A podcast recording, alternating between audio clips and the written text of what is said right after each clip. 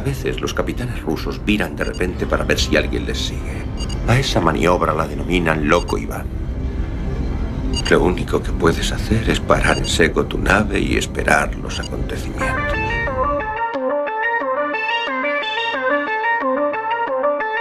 Yamasphere 347 of Space Patrol calling unidentified ship. Good night,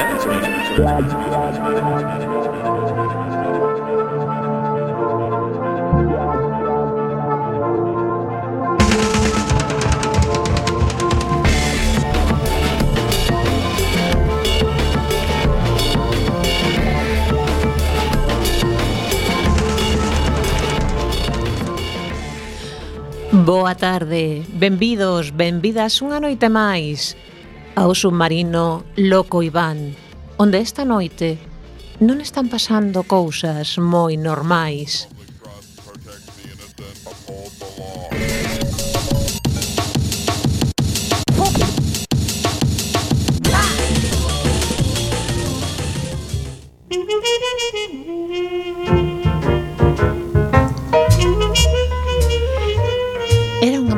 Mañá de Nordés no río Monelos, non moi diferente de calquera outra, con refachos de forza 8 na superficie e a botella de vodka debaixo da almofada cando alguén petou na porta do meu camarote.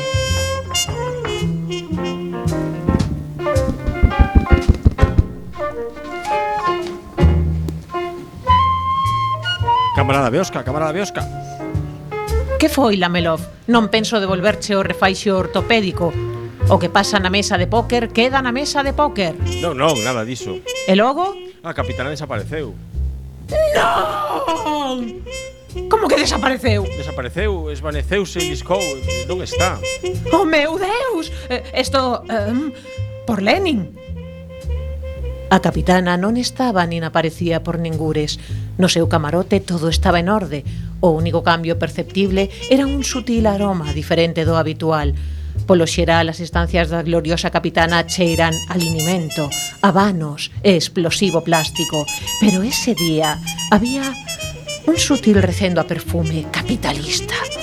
Todo o demais estaba tal e como ela o deixara Vodka en lugar da auga do samovar Polonio no moblebar E o manual de operacións do KGB en riba da mesa de noite Non me quedaba outra que quitarlle o precinto as instruccións seladas que o alto mando me proporcionara para un caso así e comezar a investigación.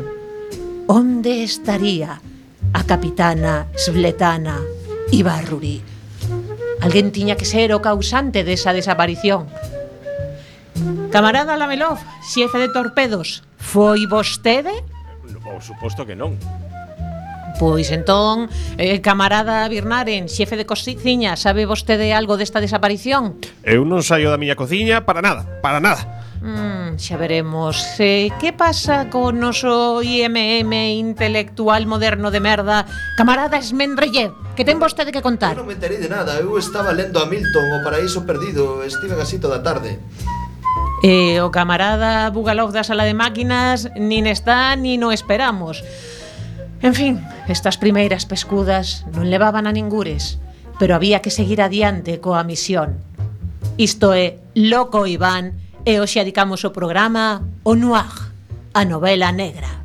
Comezamos!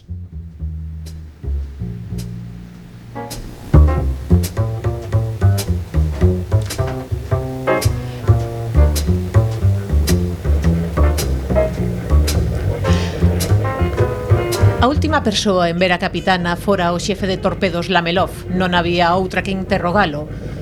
Así que procedín con el coa maior dilixencia. A ver, Lamelov. Eh, sí, camarada. Onde estabas o 21 de agosto de 1940? Pois estaba bebendo no barco.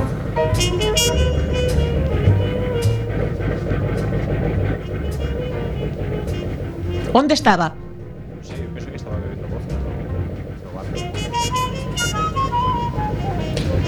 A mí me parece que está querendo decir que estaba bebendo vodka como sempre, capitana, que non, non entendo.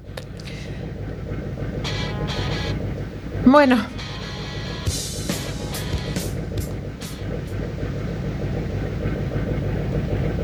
Mm, eh, se quere bebo un pouco de vodka tamén, capitana. Eh, está aquí en riba da mesa da cociña. O utilizaba para cociñar, pero eh, podo darlle un groliño. Mm, a min O que me chegou é que Lamelov estaba calcetando coa súa nai a noite na que desapareceu a capitana Sletana Ibarruri.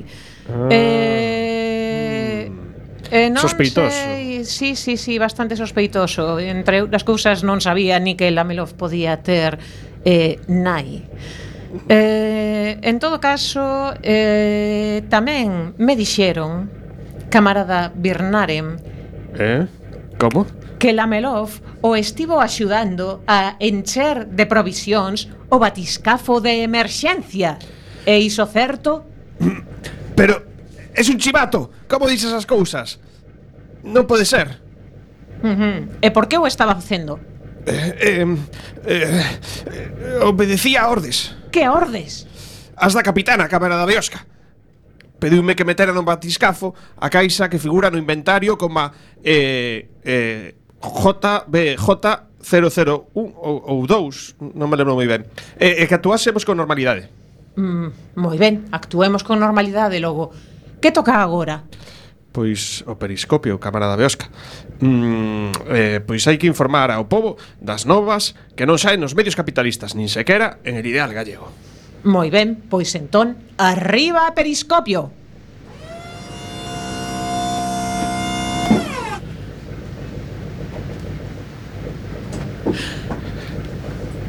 Dende logo non está a capitana e aquí isto isto sí que é noag, non hai por onde collelo. En todo caso, non imos deixar de facer as nosas misións e empezar a contar as novas menos capitalistas. Que poidades escoitar.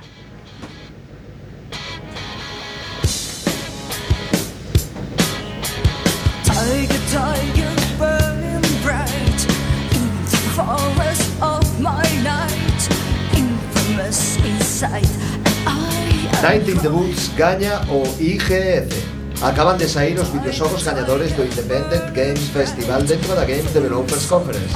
Que dito así todo xunto, queda moi hipster E Eight in the Woods gañou o premio gordo e tamén o premio a mellor negativa. Trátase dun videoxogo de aventura e exploración onde tens que interactuar cun montón de personaxes. Outros títulos gañadores foron Baba e You, un puzzle de palabras feito por estudantes, Chuchel, dos creadores de Machinarium, Gating Over, If with Bennett Foodie e Puppet Pandemonium. Non vos salvarán a ningún deles, seguramente, pero xeralmente os premiados neste festival soen ser moi bons videoxogos. Así que eu que comentaría que os probasedes, se que tedes ocasión. por todos los demos. A plataforma Hulu, responsable de series como The Handmaid's Tale, traballa nunha nova serie chamada Demons, escrita e creada por Juliet Lahinsky Reven Revene. Demons explorará o fenómeno das sectas satánicas que operaron nos 80 e nos 90 en Estados Unidos, México e moitos países europeos, provocando o coñecido pánico satánico, que derivou incluso en falsas denuncias, porque sabía que envía sectas por todas partes. Coma que en ve elefantes despois de beber o licor caseiro de Birnarem. Mm, no, pero si o meu licor caseiro está moi ben.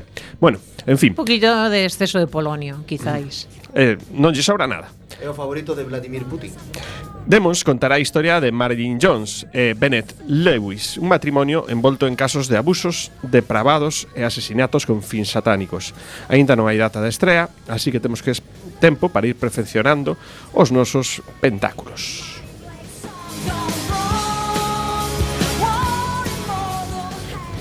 O Kung Fu volta nosas vidas. Que a... Yuhu! Se gustabas das clásicas pelis de Kung Fu dos anos 70 e 80 ou dos mítimos so, míticos xogos de loito oriental dos creativos Vai engrasando a túa consola porque este outono chega Nove Monkeys of Shaolin Desenvolvido por Sobaka Studio. O protagonista é Wei Chen, que vive na China feudal e aprende artes marciales cos monses Cos monses a Olín, por suposto, non agardábamos menos. Entón chegan os piratas, matan a súa familia, e a historia de venganza pois xa está servida.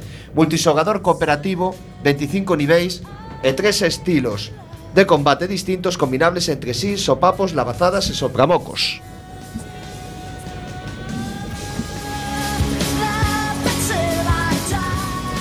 Por fin unha serie de sereas de verdade Na, novias, na nova serie Siren coñeceremos o pequeno pobo mariñeiro de Bristol Cove Onde as lendas contan que habitaban sereas.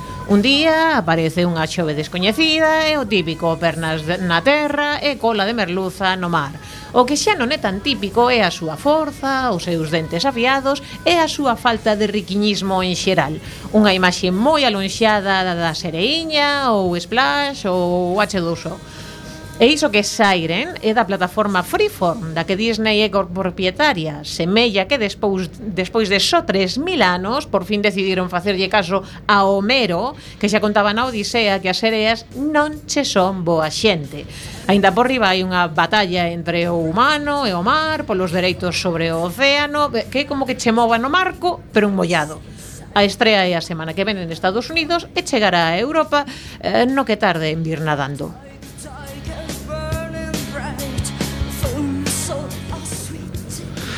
A mellor versión do himno español compuso un ruso, que de partida non era moi difícil superar a versión que coñecemos, xa non digamos a de Marta Sánchez, non, que merece prisión perpetua revisable por cambiarlle a letra ou un gulag, que é moito mellor. Co que fixo, eh, co de la la la la la la la. Eh, no novo vídeo de Youtube de Yami Altozano, que xa nos ten culturizado con outros vídeos sobre bandas sonoras e teoría musical, aprenderemos varias curiosidades sobre o himno, como que a mellor versión foi obra dun compositor ruso Sempre somos nós quen temos que amañar as chapuzas e as merdas que fan os demais. Encántame iso de chamar Jamie ao español Jaime Altozano. Ya lo pais, sairá a semana que ven. Trátase dun videoxogo no que terás que conducir un glorioso Trabant 601 polas estradas dos países do bloque soviético, partindo desde a gloriosa RDA. O obxectivo é sobrevivir, eh, máis ou menos. É dicir, facer que sobreviva o teu coche para poder seguir facendo o teu percorrido a asombrosa velocidade máxima de 100 km por hora. Cada parte do vehículo ten unha durabilidade que obviamente é mellor que a de calquera vehículo occidental. E o peso é fundamental para poder manter un bo ritmo de conducción. Ademais, é un xogo de simulación de conducción, onde o realismo na conducción é sorprendente, tendo en conta incluso que o coche usa combustible de dous tempos, con mixtura de combustible e aceite, semellante ao das motos de pouca cilindrada. Mentres, na radio, un bo recital de música dos anos 60 e 80. Un videoxogo ben interesante que se a venda en Steam e GOG por 15 denarios.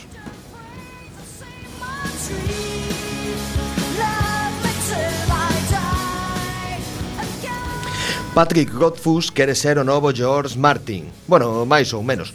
O escritor da triloxía Saga do asesino de gays, que aínda tense que matar o terceiro libro As portas de pedra, sigue sembrando dúbidas sobre a súa publicación.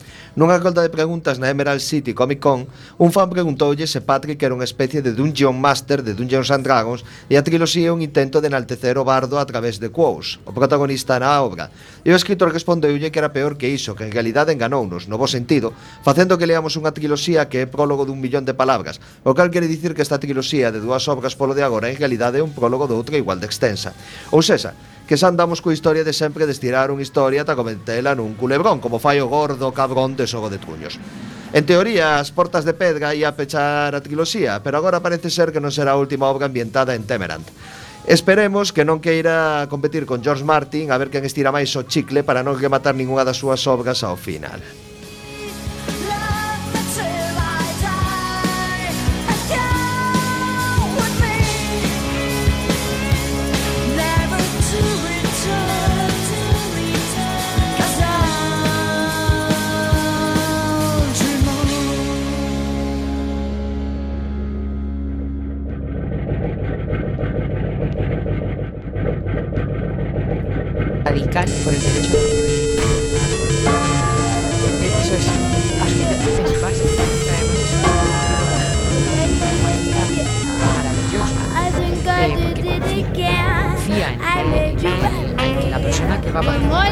camera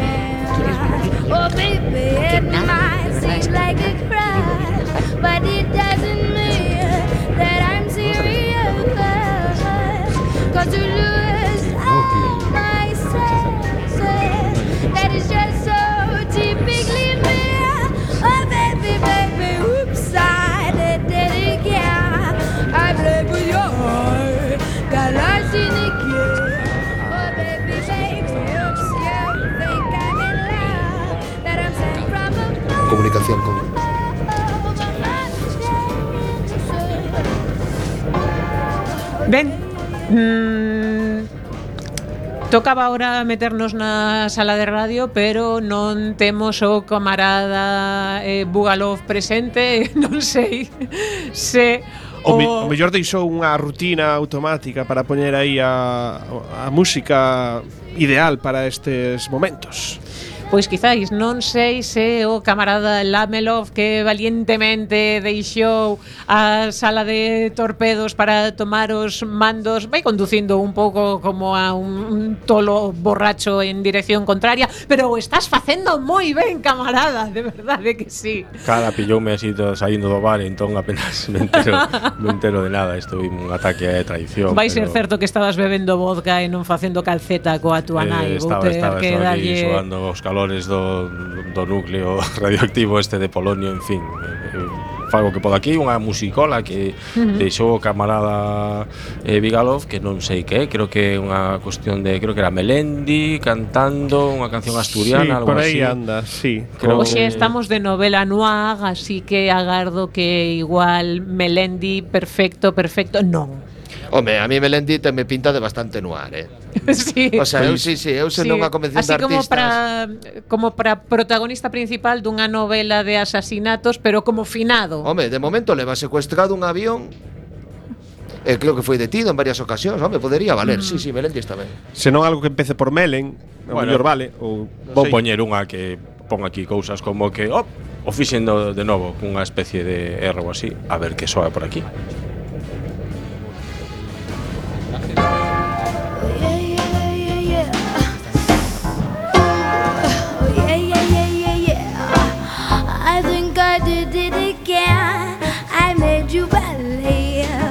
More than just friends.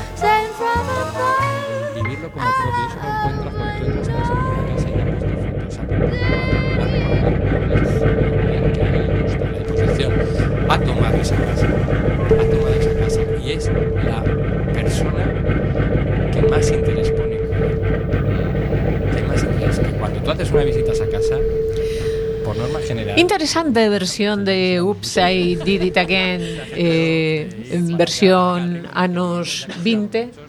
tenerla Eh, a continuación, imos entrar, por suposto, como sempre, na nosa biblioteca. Yo, yo no me he visto nunca durmiendo en la calle. Nunca, nunca me he visto con esa necesidad. ¿Temos Yo poltergeist? No sé Iso para una parece. eh, Bueno, son moi acordes con esta porta tan tenebrosa e tan estropeada que levamos dúas tempadas e non hai xeito de amañar. Es que esta Janov non, non chega nunca, parece que vai a chegar, di estou aquí, hoxe vou submarino a, a limpiar aí un pouco a porta e tal, e non, uh -huh. non, non vemos. Non, non, non, non, non vemos. O millor vende noite, cando non nos enteramos. Ajá. Uh -huh. Pois, pois podía escribir, non, ou algo, porque non, non sabemos nada del, podía escribir ou ou mandar podía... unha mensaxe de voz ou algo. Pois sí, sí, co fácil que é, que non tes nin nin que escribir. Eh, que, que eh, la melof eh, Sí, la melof, temos temos entón unha mensaxe do Pois do cámara de estaja, está ¿no? entrando aquí algo, non sei, pero penso que venden de dende fora do, do submarino, a ver, Home, claro, a ver que claro, pasa. que estará aí dándolle con anas. Pois a ver, a ver, a ver.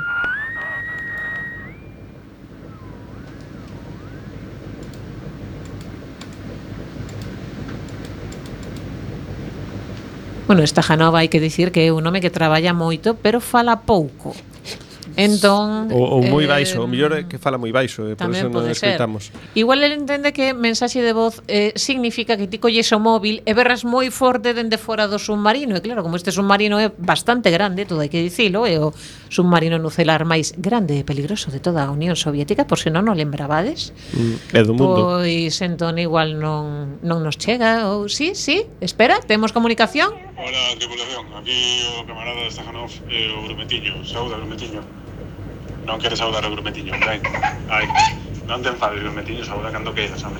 Bueno, eh, estamos buscando intensamente a un capitán polo exterior do submarino onde podo confirmar que non está, repito, non está o submarino por fora está limpo como unha patena, pero a capitana non deixou aquí noticias eh, nos últimos días. Por certo, aproveito para desmentir os rumores de que eh, estea tanto tempo fora porque perdín as chaves do submarino.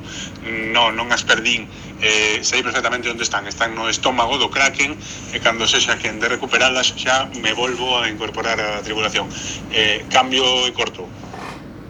Bueno, Pero... vou saber delo. Pero se lle dicen que me trouxera o Kraken que tiña que cociñar o meu prato estrela con Kraken, e nada.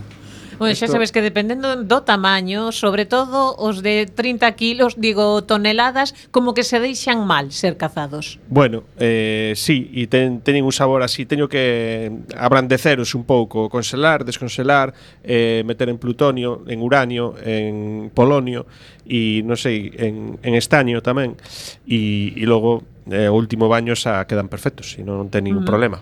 Dime unha cousa, mm, ti que, coña, que cociñarías eh, nunha noite tan especial como esta en que adicamos o programa ao Noaga, novela negra? Que che inspira? Bueno, pois pues a mí me inspira así algo minimalista, ¿no? Como mellor poñer eh, pois eh, tripas de eh, de capitalista eh, pois eh, con pimentón ben sazonado eh, con un pouco de, de, de berza e de grelos acompañado. Eh, así o prato o prato ideal para estos momentos. Uh -huh. Mm. Pero pero bueno, eh, tamén hai outras opcións. Eh, o interesante tamén é, che, é chegar con gañas o postre. Eh, é certo, é certo. O postre sempre hai que deixar sitio pro postre. Efectivamente. Eh, o que pasa é que a xente na miña comida non, non chega ao postre, des, desvanécense antes de chegar ao postre, non sei por qué. En todo caso, estamos na nosa sección da biblioteca, así que, eh, camarada Esmendrellev, eh, que tal se colle vostede un libro o azar? Eh, nos conta que imos escoitar hoxe. Pois mira, así o azar agora mesmo estáme caendo na man O soño goubado de Alexandra Marinina. Alexandra Marinina, pois é o alcume, o pseudónimo, non? Da autora rusa de novelas policíacas Mariña Anatiolemna Alexeyeva que pois naceu o 16 de xullo de 1957 en Leópolis, na Ucraína soviética.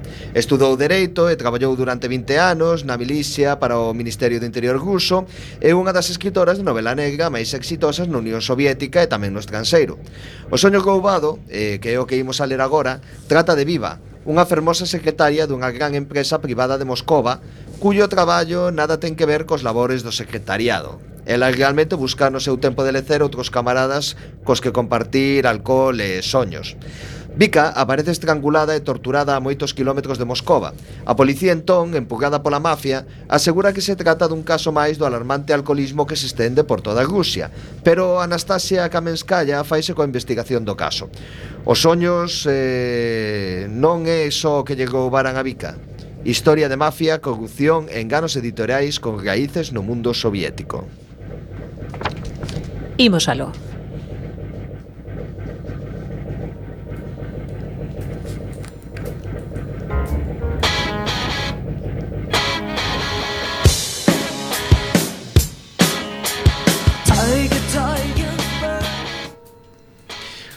Como va el caso de Jerry Omina? Su voz sonó calmosa, desapasionada, sin reflejar ni siquiera una pizca de curiosidad. No va, Víctor Alejevich. No me sale nada. Estoy en un atolladero. Vale, vale. Ella tuvo la sensación de que el jefe, absorto en sus pensamientos, no la había oído. Necesitas ayuda? O de momento os apañé los dos solitos.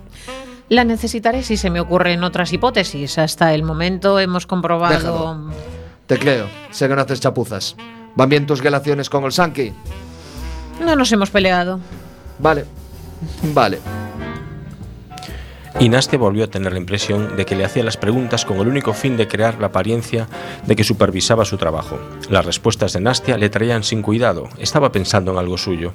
No habrás olvidado que para el 1 de diciembre tienen que mandarnos a un estudiante de la Academia de Policía de Moscú a hacer prácticas. Lo recuerdo. Pues no lo parece. Solo faltan 10 días y aún no has ido a hablar con esa gente. ¿A qué esperas? Hoy mismo les llamaré yo y lo hablaré con ellos. No se preocupe, Víctor Alexeyevich.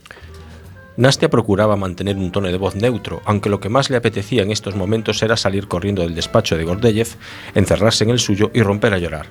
¿Por qué le hablaba de ese modo? ¿Qué le había hecho? En todos los años de trabajo, ni una sola vez le había podido reprochar un olvido. Cierto, había muchas cosas que no sabía hacer. No dominaba las armas de fuego ni la defensa personal. Era incapaz de detectar si alguien la seguía y despistar al que la vigilaba. También era mala corredora, pero la memoria la tenía fenomenal. Anastasia Kamenskaya no se olvidaba nunca de nada. No lo dejes para más tarde. Piensa que eliges al estudiante para ti, no para el vecino del quinto. Le pondrás a trabajar en el caso Jeromina. No creo que en estos 10 días vayamos a resolver el asesinato, de modo que trabajarás con él y al mismo tiempo le enseñarás. Si aciertas con la elección, lo admitiremos en el departamento. Nos falta gente. Ahora, otra cosa. Esta primavera ha estado aquí una delegación de funcionarios de la policía italiana. Para diciembre está previsto que les devolvamos la visita. Tú, tú vas a ir también. ¿Por qué? ¿A qué viene esto? No le des vueltas. Tú irás y no hay más que hablar. Considéralo indemnización por las vacaciones que se te han ido al garete. Yo mismo te estuve convenciendo para que fueras al balneario, te conseguí la plaza y me siento responsable de que al final no hayas podido descansar como Dios manda. Irás a Roma. ¿Y Yeriómina? Y Yeriómina, y Yeriómina, ¿y qué pasa con Yeriómina? Si no descubres nada en caliente, luego ya 5 o 6 días más o menos no tienen importancia. Sales hacia Roma el 12 de diciembre. Si para entonces no has encontrado al asesino de Yeriómina, no lo encontrarás en tu puta vida. Eso es evidente. Y ten en cuenta que la vida no se va a detener porque tú no estés. Si es preciso hacer algo, Chernov lo hará. Además, también estará tu estudiante. Víctor Alexeyevich trataba la selección del personal con suma seriedad, sin hacer ascos de los recién graduados de los centros de estudios superiores del Ministerio del Interior. Cada año, en vísperas del periodo de las prácticas y como consecuencia de un acuerdo tácito que existía entre Gordeyev y el jefe del departamento de alumnado de la Academia de Policía de Moscú, mandaba allí a Kamenskaya para que seleccionara al estudiante que haría las prácticas en su departamento. Para ello contaba con una tapadera tan cómoda como las clases que en esa época sus subalternos con más experiencia impartían en la academia. Se prestaba especial atención a la criminología, procedimientos penales y las actividades operativas de detección. A Nastia le correspondía dirigir un coloquio o dar una clase práctica o dos o tres grupos de los últimos cursos. Luego Gordeyev llamaba a la academia y pronunciaba el nombre del estudiante al que le gustaría tener en su departamento durante el periodo de prácticas. Por supuesto, esto iba en contra de todos los reglamentos, pero la gente no solía decirle no al buñuelo. Era un personaje conocido y además tenía muchos buenos amigos. Gracias a este procedimiento entró en la PCM, Policía Criminal de Moscú, el detective más joven del departamento, Misha Dosenko, a quien Nastia cazó nada menos que en la Academia de Omsk, aprovechando un viaje de trabajo. Unos 10 años atrás, el propio Gordeyev encontró a Igor Lesnikov en la Academia de Moscú, comprobó si era válido durante las prácticas y le admitió en el departamento. Igor Lesnikov actualmente estaba considerado como uno de los mejores inspectores de todos, los, de todos cuantos trabajaban para el buñuelo. Nastia llamó al departamento de alumnado de la academia y le ofrecieron escoger entre varios temas de coloquios y clases prácticas previstos para los próximos dos o tres días. Solicitó reservarse la clase práctica dedicada a las peculiaridades psicológicas en las declaraciones de los testigos. Nos viene de perlas. El profesor que debía impartir estas clases está enfermo, de modo que no hay problema alguno. Y nos quita un peso de encima. Así no tenemos que buscar un sustituto. Gracias al conocido test gráfico de Raven, Nastia tenía muy claro cuál iba a ser su criterio para seleccionar al estudiante. El test incluía 60 problemas, 59 de los cuales estaban basados en un mismo principio y se, diferen- se diferenciaban solo por el grado de complejidad, mientras los primeros seis eran de una sencillez lapidaria. A partir del problema 54, la búsqueda de la solución implicaba un esfuerzo considerable, ya que se requería seguir simultáneamente varios indicadores sin perder de vista ninguno. De este modo, los 59 problemas ponían a prueba la capacidad del individuo para concentrarse y tomar una decisión deprisa en un tiempo limitado. Entre otras cosas, el test de Raven permitía concluir si el individuo sabía centrar su atención sin dejarse arrastrar por el pánico que ocasionaba la premura de tiempo. En cuanto al problema número 60, el último tenía trampa, ya que siendo sorprendentemente fácil, estaba basado en un principio completamente diferente. Si el individuo lograba resolver ese último problema, significaba que había sido capaz de verlo desde cierta perspectiva, de situarse en un nivel superior para reconocer caminos nuevos en lugar de seguir en la misma dirección de antes, obstinándose en abrir el candado con la misma llave solo porque los candados anteriores se habían dejado abrir con facilidad utilizando esa llave. Por supuesto, se decía Nastia, desde el punto de vista de un físico, 59 experimentos serían suficientes para sacar conclusiones sobre el número 60, pero desde el punto de vista de un matemático no era así en absoluto, y Nastia buscaba entre los estudiantes justamente al que supiera pensar como un matemático. Revisó unos viejos apuntes, llamó a dos amigos de la Inspección General de Tráfico y por fin compuso un problema que plantearía la clase práctica. ¿Qué tal va todo? Mal, Konstantin Mikhailovich. Hay que empezar desde el principio otra vez. Se sentó en la mesa esperando el comienzo de una larga conversación, pero a todas luces no era esa la intención del juez de instrucción. Echó un vistazo al reloj y suspiró. Empezar desde el principio. ¿Qué te impide seguir avanzando? Nastia dejó la pregunta sin responder, porque la respuesta hubiese sido tan dura para ella como para Olshansky. Hay que volver a interrogar a Boris Kartashov, el amigo de Yeron, de Yerion Mina. El juez giró lentamente la cabeza y se quedó mirándola sin parpadear. Las gruesas lentes de las gafas empequeñecían sus ojos, por lo que su cara parecía desagradable y la mirada penetrante. ¿Para qué? ¿Es que has encontrado algo que lo convierte en sospechoso?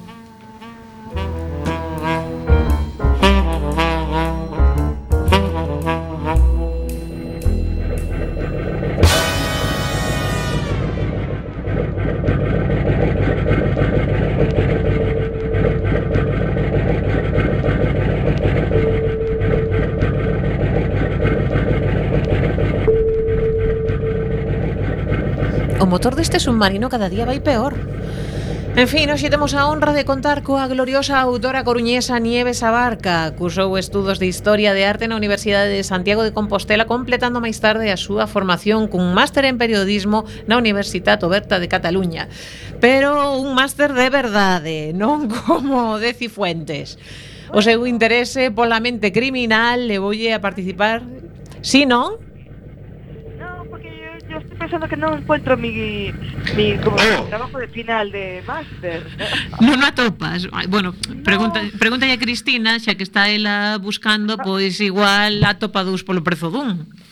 Probablemente encuentre el, el, el, el máster de ella en mi casa antes que el mío. Bueno, Cristina, eh, deixeme rematar todo o seu currículum vitae, que de momento non teremos traballo final de carreira, pero isto é longuísimo. O seu interese pola mente criminal le voy a participar nun curso sobre perfis criminais impartido polo criminólogo Vicente Garrido, con quen publicaría o libro Los muertos viajan deprisa e tamén publicaría algúns dos seus libros máis coñecidos como exitoso Crimes exquisitos, que vai mm, por non sei cantas edicións xa.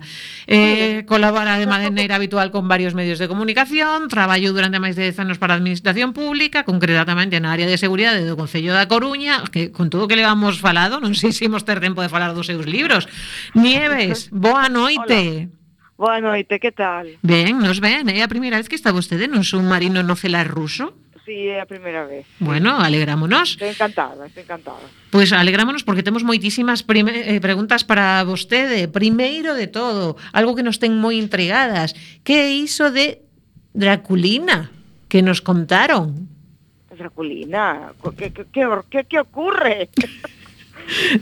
Temos información privilexiada. Eh?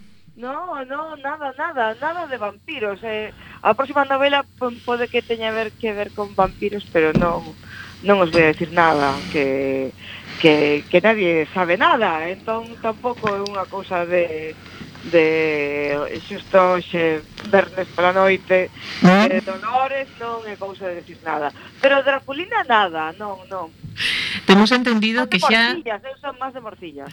Temos entendido que xa dende de, de pequena lle gustaban as novelas de, de terror. He visto que o seu no, interese porque, sí que, que, que polos misterios se lle viña de lonxe e cando decidiu que quería dedicarse á novela negra? non eh, cando decidín que foi por culpa de Vicente, porque eu non tiña la má remota idea de que me gustaba escribir. Non é unha cousa eh, vocacional. Eh, o, o que quería era ser cantante de ópera. Ah, to, todo moi lógico, moi coherente. Sí, bueno, eh, a próxima novela é o beso de Tosca. Ajá. Uh -huh chamase así, entón pode que sexa coherente. Bueno, as eh, óperas tamén eh, teñen bastante de negro, porque claro, acaban todas... Yo, sí, Tosca é unha ópera bastante thriller. Que ocorre que que non non pensaba en escribir porque pensaba que non que non o facía ben. Ese era o problema. Eh, e cando Vicente me descubriu entre comillas, eh, dixo, ah, que ben escribes. Uh. Pois pensei, e por que non?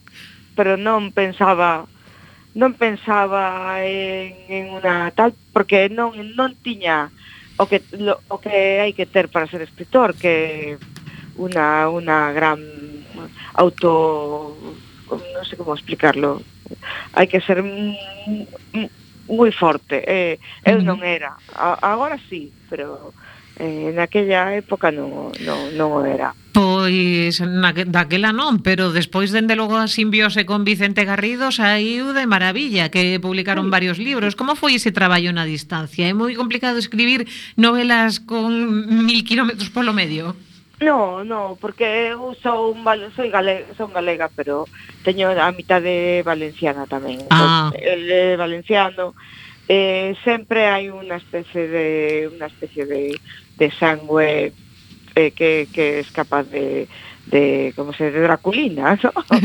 de, de transmitirse. Eh, e o que pasa é que é que ah, hai moitos escritores que nadie o sabe, pero os libros non están escritos por eles. Uh -huh. Nós, por lo menos, temos temos esa capacidade de decir que sí, que pois sí. as dous. Eh, semella que sen querelo conectaron a corrupción valenciana con narcotráfico sí. galego. Como ve sí, vostede eh, o que está eh. acontecendo co libro Fariña e o seu sí, secuestro é, pola xustiza? O libro, eh, que, o, que, o coido que o libro de Fariña era fantástico xa antes. Uh -huh. Agora é máis fantástico por culpa da serie porque o que o que sale na televisión ou na pantalla eh, sempre va a ser uh -huh. máis máis vendible, pero el libro era fantástico xa antes. Se, uh -huh. Sempre foi o que pasa co libro e eh, cos sueces, sueces e eh, eh, o que pasa con toda esta merda deste país eh, que todo o mundo pretende ou quere eh, como se dice eh, facer unha especie de no, tú non podes ler isto non, non sei, uh -huh. No, no voy a hablar de eso porque es moi triste. O, o que ocurre é que Faniña é fantástico e que a Fariña é eh, algo que en Galicia é normal. Uh -huh. Non sei como explicarlo. Es como se si vas a Londres, el té. Xa. Aquí pides un té con leche e non te lo van a poner bien. Igual a Fariña te la ponen mejor. Pois seguindo tamén con temas de persoaxes coñecidas galegas, dixo vostede que eh, eh, os personaxes de Los Muertos Viajan Deprisa están inspiradas en personaxes coñecidos galegos. Pode dar algún nome? Non, é que non, eh, non personaxes eh, galegos, é personaxes eh, escritores en xeral de novela negra. E eh, aquí hai poucos pero en España hai bastantes, eh, hai algunos que teñen eh, pois apellidos ou que teñen padres galegos e non vou a decir máis mm. pero pode ser non? pero non é eh, personaxes galegos verdadeiros o que é eh, son personaxes de novela negra mm-hmm. mm. español Contenos que é o máis... Ai, perdón. Recoñecibles, pero na, nadie, nadie me dixo nada, só lo, o que quere decir que non son tan recoñecibles como eu pensei. Xa. É triste. Contenos bueno. que é o máis importante na novela negra para ter éxito Os crimes, a trama de misterio e investigación, un pouco de cada... Nadie, nadie lo sabe. Para ter éxito na novela negra probablemente o que hai que ter é eh, un nome nórdico. Uh -huh. En vez de xa. abarca... Que está de moda, non? Hander, Hander, sí, pero eh, no, no, no creo que haya ningún en este momento non creo que haya nada que tenga isto en la novela negra. Pero pensa vostede que, por exemplo, os seus estudios en criminoloxía axudaronlle coa obra, na calidade da obra? Sí, para mí sí, sí, para, para escribir sí. E, Vicente igual, pero, pero que ocurre? Vicente, que es un criminólogo famoso, que, que, que está en cuarto milenio, que es un señor que, que, vamos, que mucho más famoso que yo, Vicente no, no solo se fía en la realidad para escribir, es eh, nosotros nos lo, lo que nos interesa es la ficción, mucho más que la realidad. No sé cómo explicarlo. A mí me, me gusta mucho más una novela que esté basada en algo que a ti te guste que en algo real. Y a mí, a ver, eh, lo que a nosotros nos gusta a todos es una cosa, pero para escribir una novela negra se supone que tienes que ser una persona que esté fijándose en, en, eh, ¿cómo se llama?, en los gitanos o en, las prostitutas caribeñas o unas secuestradas que no sé qué. A ver, no es así, no tiene que ver. Es decir, tiene que ver con lo que a ti te llame. Si te llaman las prostitutas caribeñas, pues haces una novela que te mueres las prostitutas caribeñas. Pero el, el- ese asunto, quiero decir yo, ese asunto en el que tú tienes que hacer algo eh, obligadamente mm, negro para salir en una entrevista, a mí no me interesa. A mí me interesa, y creo que a Vicente también, lo que nos, lo que nos interesa literario, como, como cualquier escritor. Ujú. Es decir, eh, yo no tengo más ningún interés en, en hacer algo que, que ay, qué, qué moderno, qué feminista, no. No tengo más ningún interés. A mí lo que me interesa es escribir algo que a mí me guste y, y que a ti te atrape. Ujú. Aunque a ti te abor... Ah, pues no me interesa para nada la ópera, que es el beso de Tosca. Bueno, no te interesa para nada la ópera hasta que ya escribes una novela. Igual a partir de ahí sí que te interesa la ópera. Claro. Eso es a lo que voy yo. La ópera no tiene nada de novela negra, ¿no? Pero yo he hecho una novela negra en la que la ópera es la protagonista, lo cual quiere decir que, que el escritor lo que tiene que Querer hacer, poder. Claro, efectivamente, que debe poder. Nieves, temos que ir rematando, que xa sabemos o que pasa co tempo na radio, pero queremos facerlle unha última pregunta. Eh, Crimes exquisitos é a súa obra máis exitosa e está ambientada na Coruña, cun crime no estanque de Irís. Así aproveitamos tamén para facer un pouco de propaganda. Sí, Contenos señor. cal sería o mellor lugar nesta cidade para cometer un crime. Non é porque precisemos ideas para matar a alguén en concreto, no, ou igual sí, eh, eh pero contenos este vostede. Momento, o estadio de Riazor O Estadio Riazor. En un, en un, en un partido deportivo. Mm. En este momento, eh, claro, Coruña está fervendo, pues decir, eh, eh, eh, teño moitas moitas ideas sobre matar en el estadio de Riazor en un partido deportivo. Vale, Creo que... se aparece algún fiambre, xa sabemos de que empezar a sospeitar. Ten as mismas ideas que yo, non é unha cousa de escritor, é unha cousa que é un, como se chama, eu sou un socio deportivo. pois... Entón, pois, coido que, que a de tribuna. Nieves, temos, temos aquí ao xefa da sala de máquinas aplaudindo.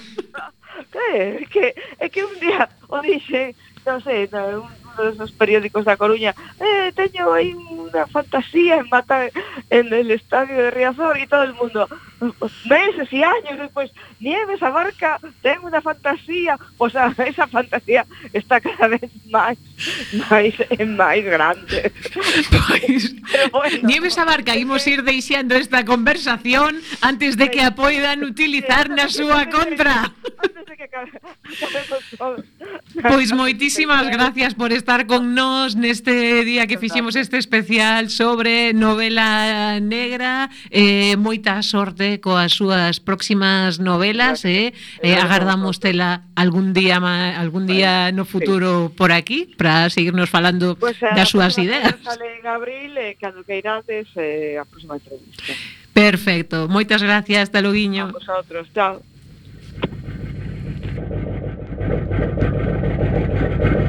Thank you.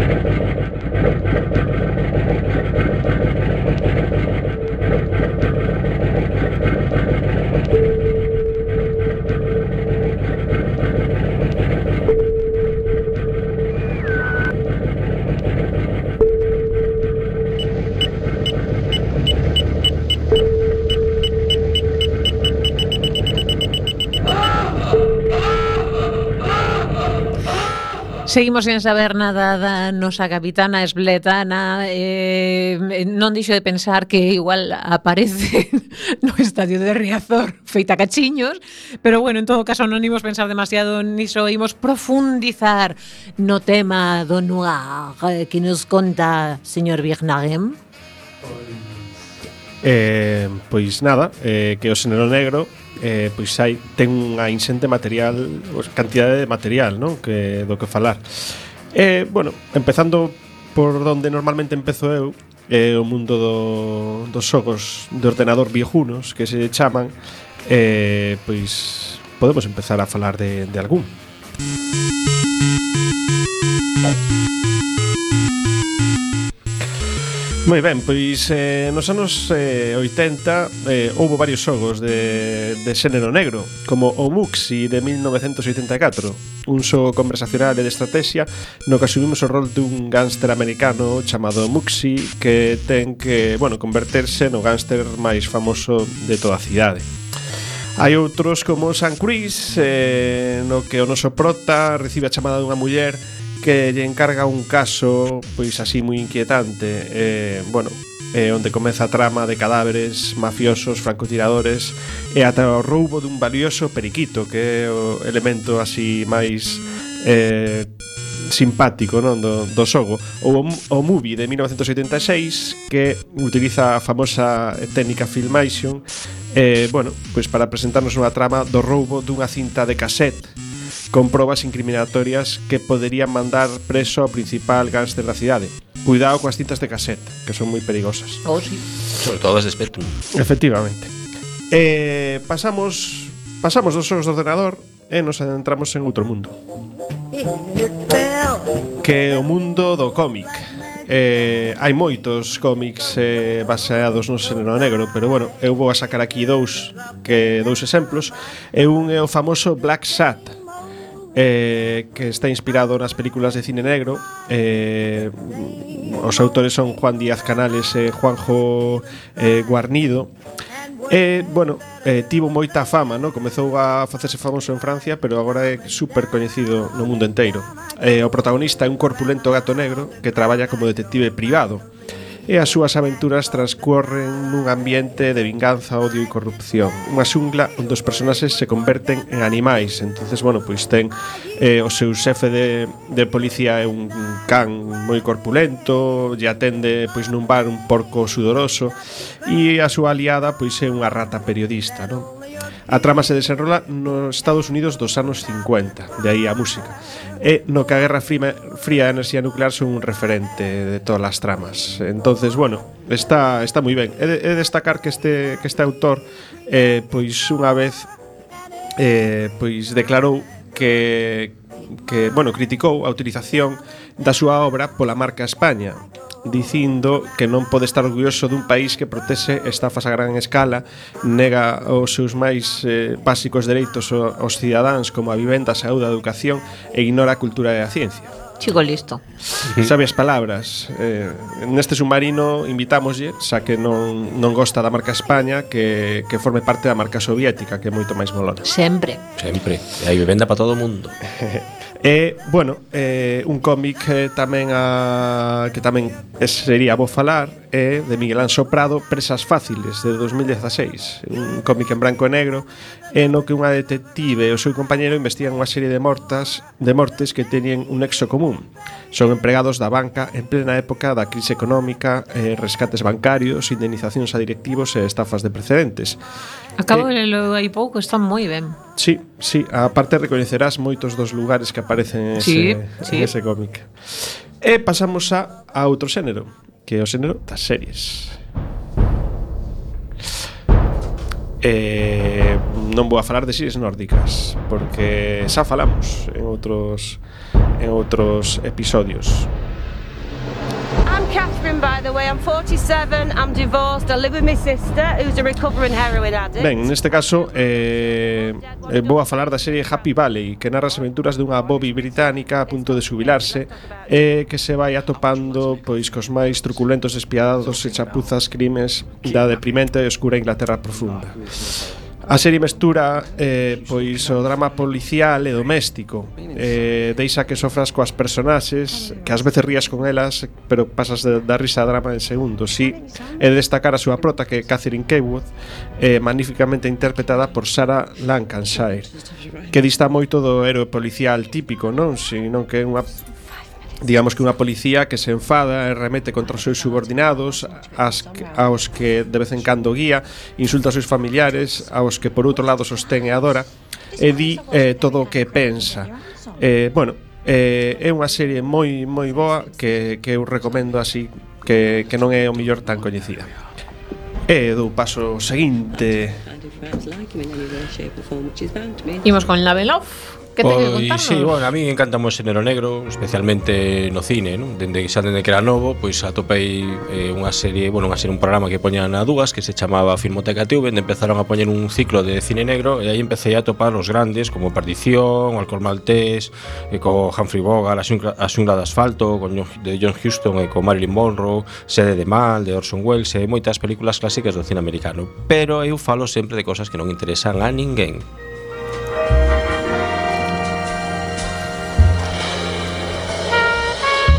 Esta música que tan boa que soa é a música de La Noir Que é, eh, bueno, un dos videoxogos que máis me molan Pois de Rockstar, por non dicir case o único é de moi de xogo negro, obviamente, no que, bueno, estén perfectamente ambientada, pois eh, a, a, bueno, toda a estética dese do cine do cine negro, e onde ten elementos de acción, pero así un pouco casi automatizados, pero onde o núcleo do xogo é eh, a investigación, as pescudas e eh, ter que andar con, pois eso, collendo pistas, eh, interrogando a, pois a, a sospeitosos, sospeitosas e eh, detectando se se minten ou non, anotando cousas nas axendas e a, realmente eh, está francamente ben.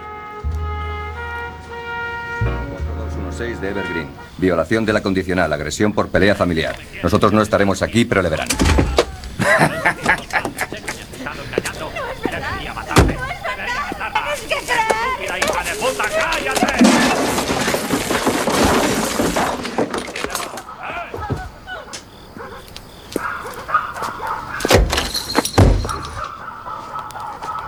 ¿Quién coño es usted? El espíritu de las navidades pasadas. Baile con un hombre para variar. Se cree usted muy listo, ¿no? Qué daño.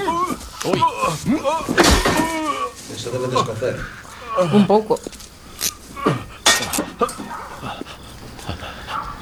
Saldrá dentro de un año y medio. Me haré amiguete de hospital? de morgue. Si vuelve a tocarla, le aseguro que le acusaré de violar a una menor. ¿Sabe lo que les hacen a los violadores en San Quintín? Bueno, peliculón, sen dúbida coñecedes LA Confidential, unha película do ano 97 de Cartin Hanson que recuperou un xénero pois, que, que estaba un tanto esquecido ¿no? o guión foi escrito polo propio Curtis Hanson e Brian Helgeland. E estaba baseada na novela do mesmo título de James Elroy. Eh, un peliculón sen dúbida moi recomendable onde bueno, había un plantel bastante importante. Por exemplo Kevin Spacey, Guy Pearce, Russell, Russell Crowe pero sobre todo unha excepcional Kim Basinger máis mítica que nunca o máis puro estilo de Veronica Lake e a súa envesable melena sobre todo por min. Tamén estaba o xigantesco Dani De Vito como xornalista de corazón, non vos perdades esta peli, como sempre en versión orixinal.